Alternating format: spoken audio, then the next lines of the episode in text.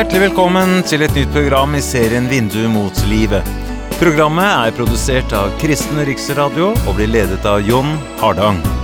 Kristen Riksradio drives av frivillige gaver. Vi er glade for din støtte.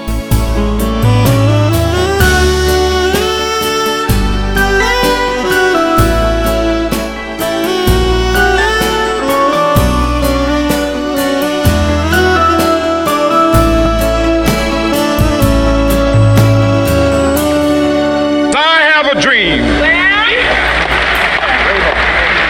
that my four little children will one day live in a nation where they will not be judged by the color of their skin, but by the content of their character. I have a dream today. I have a dream. Hvem av oss kjenner ikke disse ordene? Jeg har en drøm. Ordene skriver seg fra den berømte talen Martin Luther King jr., den amerikanske borgerrettsforkjemperen, holdt i Washington den 28. august i 1963. Mer enn en kvart million mennesker, sorte og hvite, hadde marsjert gjennom byen, til Kapitolbygningen, og fra trappene på Lincoln Memorial holdt Martin Luther King jr. sin berømte tale I have a dream. Hør på dette. I have a dream that one day on the red hills of Georgia, the sons of former slaves and the sons of former slave owners will be, be able to sit down together at the table of brotherhood. I have a dream. I have a dream. One day, Jeg har en drøm. Borgerrettighetsforkjemperens drøm var at alle mennesker, uansett hudfarge og rase, skal ha samme respekt, samme behandling og like verd. Og at dagen snart må komme da både slavenes sønner og slaveeiernes sønner kan sette seg ned som brødre ved samme bordet. Han drømte om å høre frihetens klokker ringe. Fem år senere ble Martin Luther King jr. brutalt myrda. Han fikk ikke se sin drøm gå i oppfyllelse, i alle fall ikke helt og fullt. Men den ble oppfylt. Lovene ble endret. Klimaet i USA forandret seg.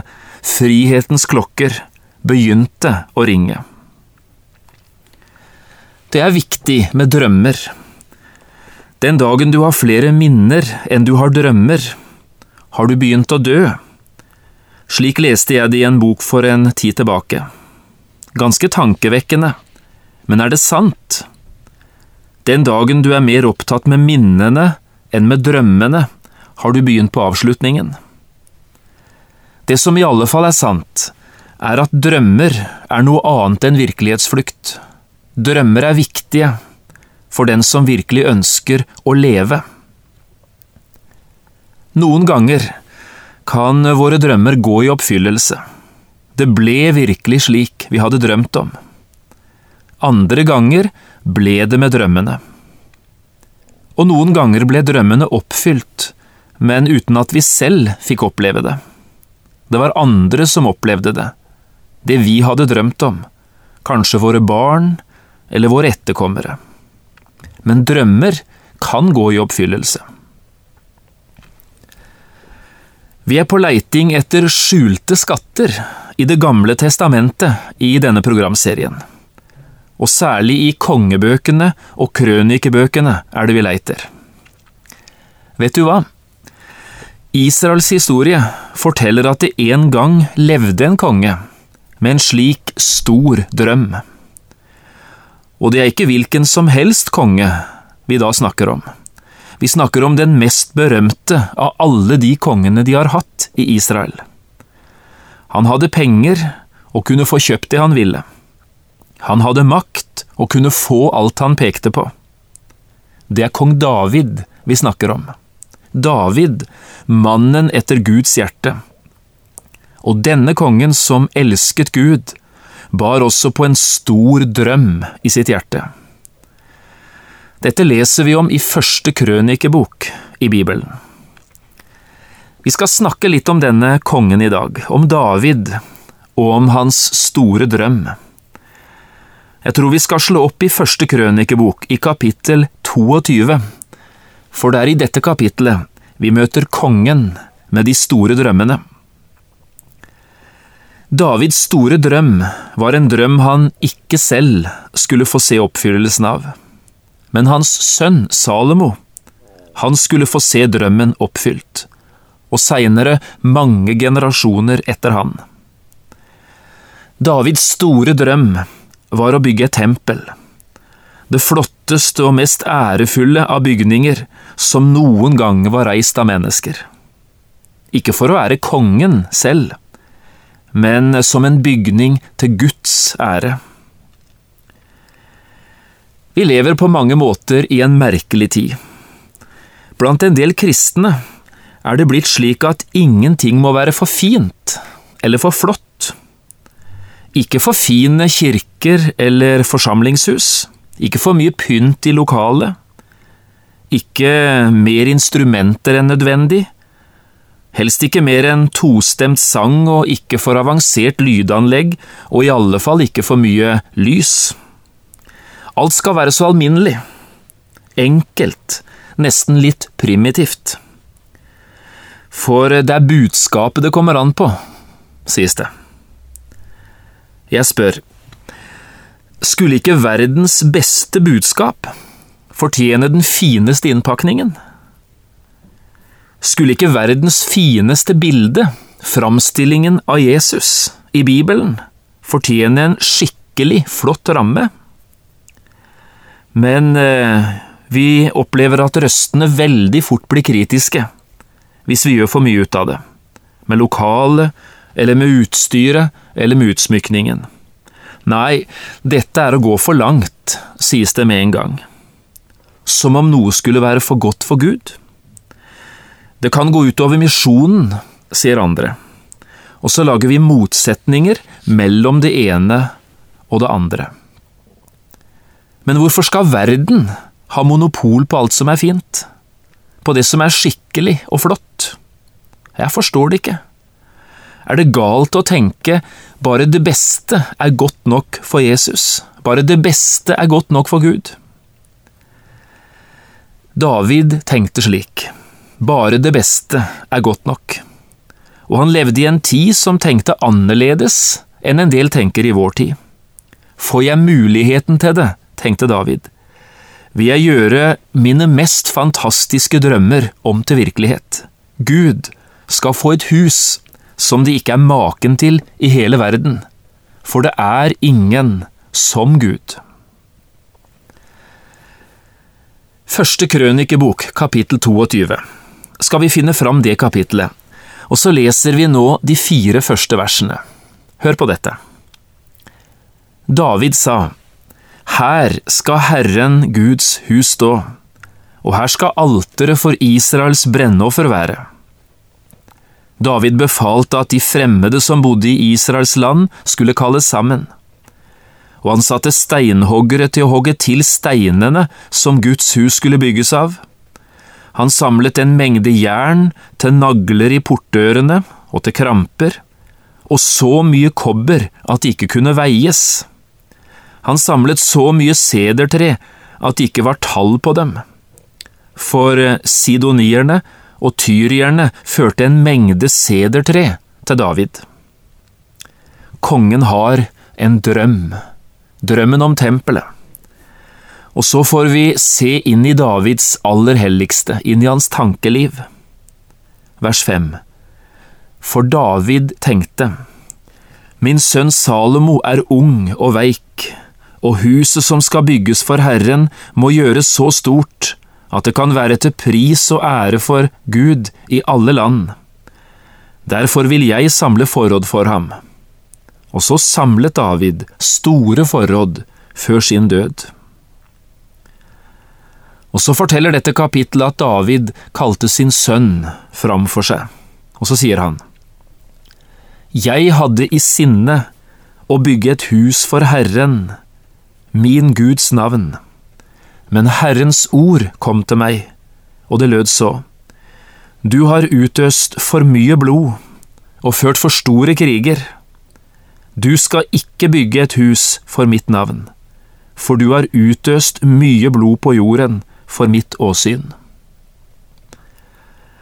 Det ligger mange følelser, tror jeg, i disse ordene av David. Det han egentlig prøver å si, er dette. Det var jeg som hadde ønsket å bygge dette huset. Det var jeg som bar drømmen om et tempel i mitt hjerte. Jeg har hatt denne drømmen fra lang tid tilbake. Jeg har sett det for meg. Jeg har bygget tempelet mange ganger i mitt eget indre. Men Gud sa nei. Dette er interessant. Når David står her foran Salomo, ser han seg tilbake. Mer enn 30 år tilbake, for så gammel har Salomo nå blitt. David har båret på sin drøm i flere tiår. Lenge før han hadde noen sønn, så han det for seg, tempelet. Det var da han hadde båret drømmen framfor Herren og sagt, Dette skal bli mitt største verk, Herre. Dette skal bli et monument til din ære. Det var da Gud sa nei, men en sønn etter deg, han skal reise tempelet. I kapitlet leser vi videre, vers 9. Du skal få en sønn, han skal være en fredens mann, og jeg vil la han få fred for alle sine fiender rundt omkring. Salomo skal være hans navn, og jeg vil la Israel ha fred og ro i hans dager. Han skal bygge et hus for mitt navn. Han skal være min sønn, og jeg skal være hans far. Jeg skal trygge hans kongetrone over Israel for all tid. Navnet Salomo betyr egentlig fred. Du kjenner kanskje det jødiske ordet shalom, fred. Det er det samme ordet vi møter i ordet Salomo.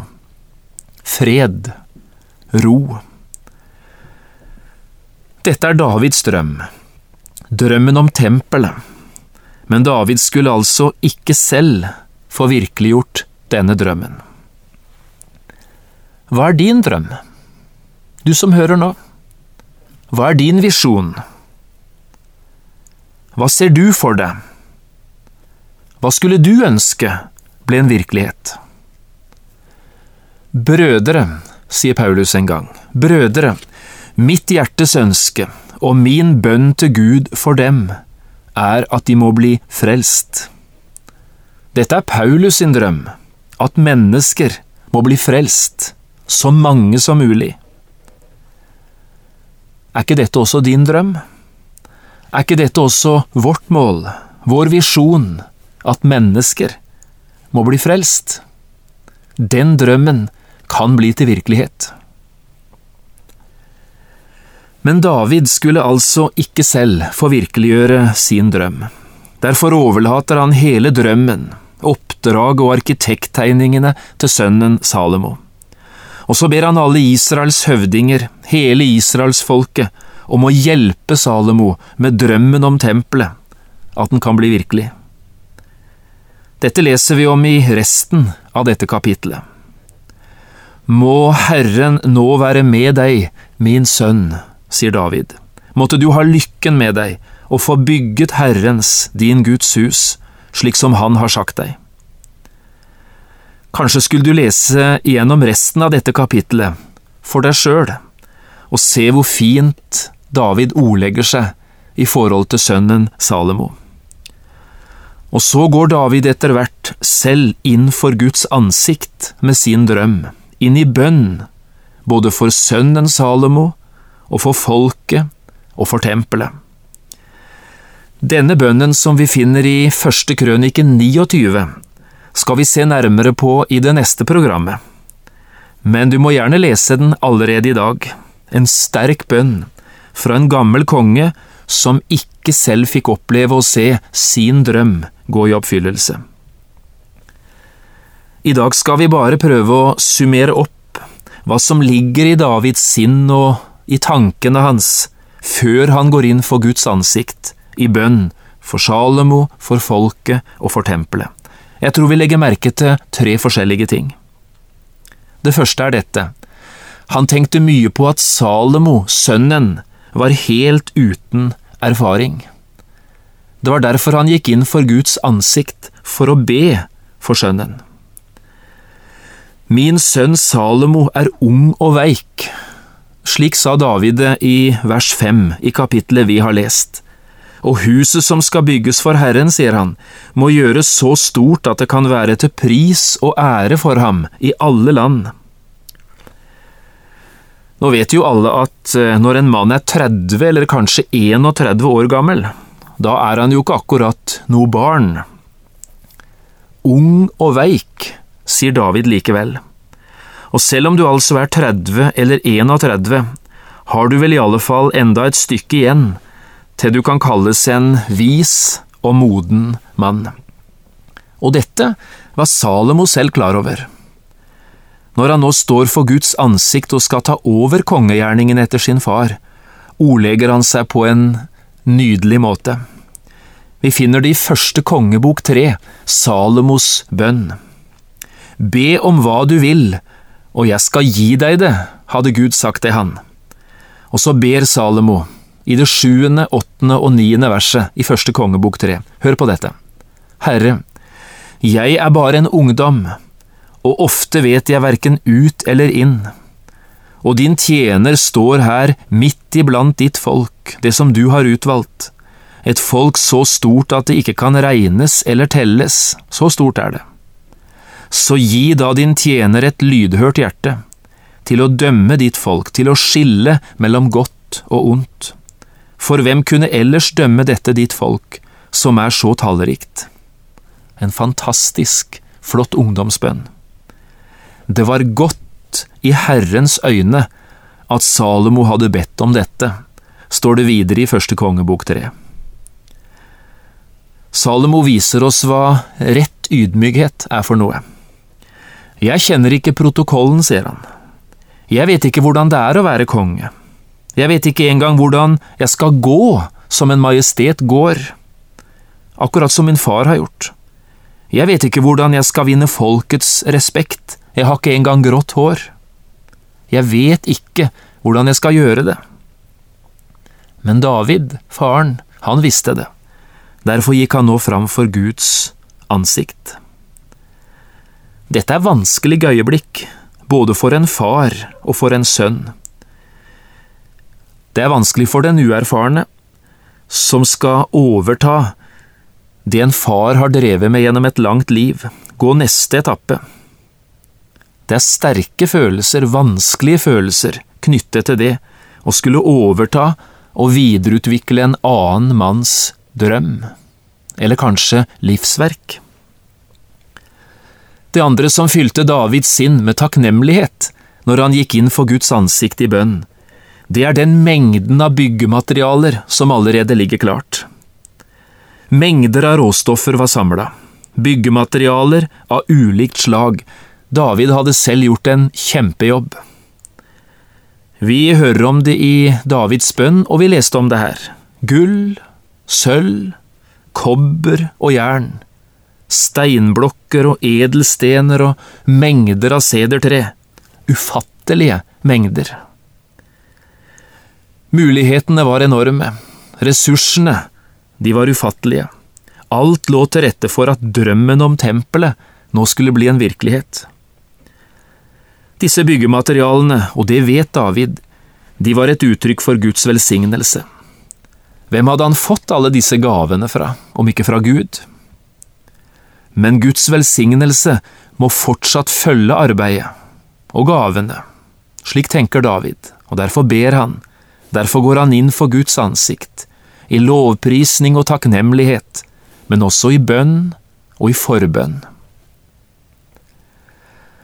Det tredje og siste som nok fyller Davids tanker, må være dette. Det folket som nå sto klar og var villig å gå med i byggearbeidet. Det var ikke bare mengder av byggematerialer som lå klare. Det var faktisk ikke det viktigste. Det måtte mennesker til, medarbeidere, bygningsarbeidere, et folk som delte drømmene og visjonene og folket, de sto klare til innsats. I vers 15 her i kapittelet vårt står det slik. Salomo, arbeidsfolk har du også i stort antall. Steinhoggere og murere og tømmermenn. Dessuten alle slags folk som er kyndige i alle slags arbeid. Og litt senere i vers 17 står det David befalte alle Israels høvdinger å hjelpe Salomo, hans sønn. Han sa, Herren deres Gud er med dere, og han har gitt dere ro på alle kanter. Dersom David sier, Gå i gang, Gud er med oss, arbeidet er stort og omfattende, men det skal lykkes, drømmen skal bli en virkelighet. Og folket, de hadde gitt sine gaver av ville hjerte. Folket hadde gledet seg over det som skulle skje, og de hadde gitt villig, med et udelt hjerte hadde de ofret sine gaver til Herren, slik leser vi.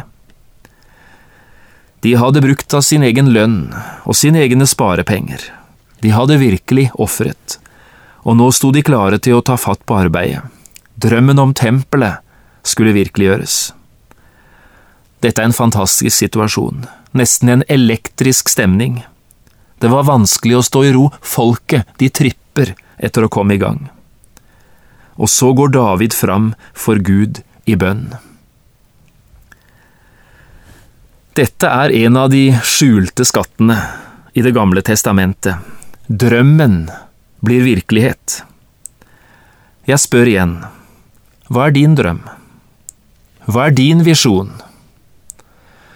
Det må være at mennesker skal bli frelst. Også vi har muligheter til at den drømmen kan bli en virkelighet. Vi har et evangelium som er en Guds kraft til frelse. Vi har frihet til å forkynne dette evangeliet i landet vårt. Frihet til å tjene Gud. Vi er mange medarbeidere. Vi danner kristne fellesskap. Vi har stor kontaktflate, vi har naturgaver, og vi har nådegaver. La oss snakke mye med Gud om våre medmennesker. Og la oss siden snakke med våre medmennesker om Gud, så så vår drøm om å befolke himmelen kan bli en virkelighet.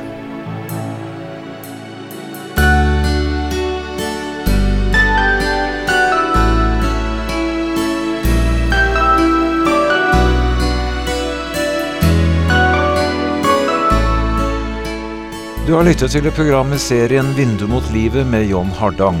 Programmene i denne serien kan også kjøpes på CD fra Kristen Riksradio, eller høres på internett på p7.no. Har du spørsmål eller kommentarer til det du nå har hørt, kan du ta kontakt med oss. Adressen er Kristen Riksradio, Skiene 2, 5353 Straume, eller send en e-post vml alfakrøll p7.no. Takk for i dag, og på gjenhør.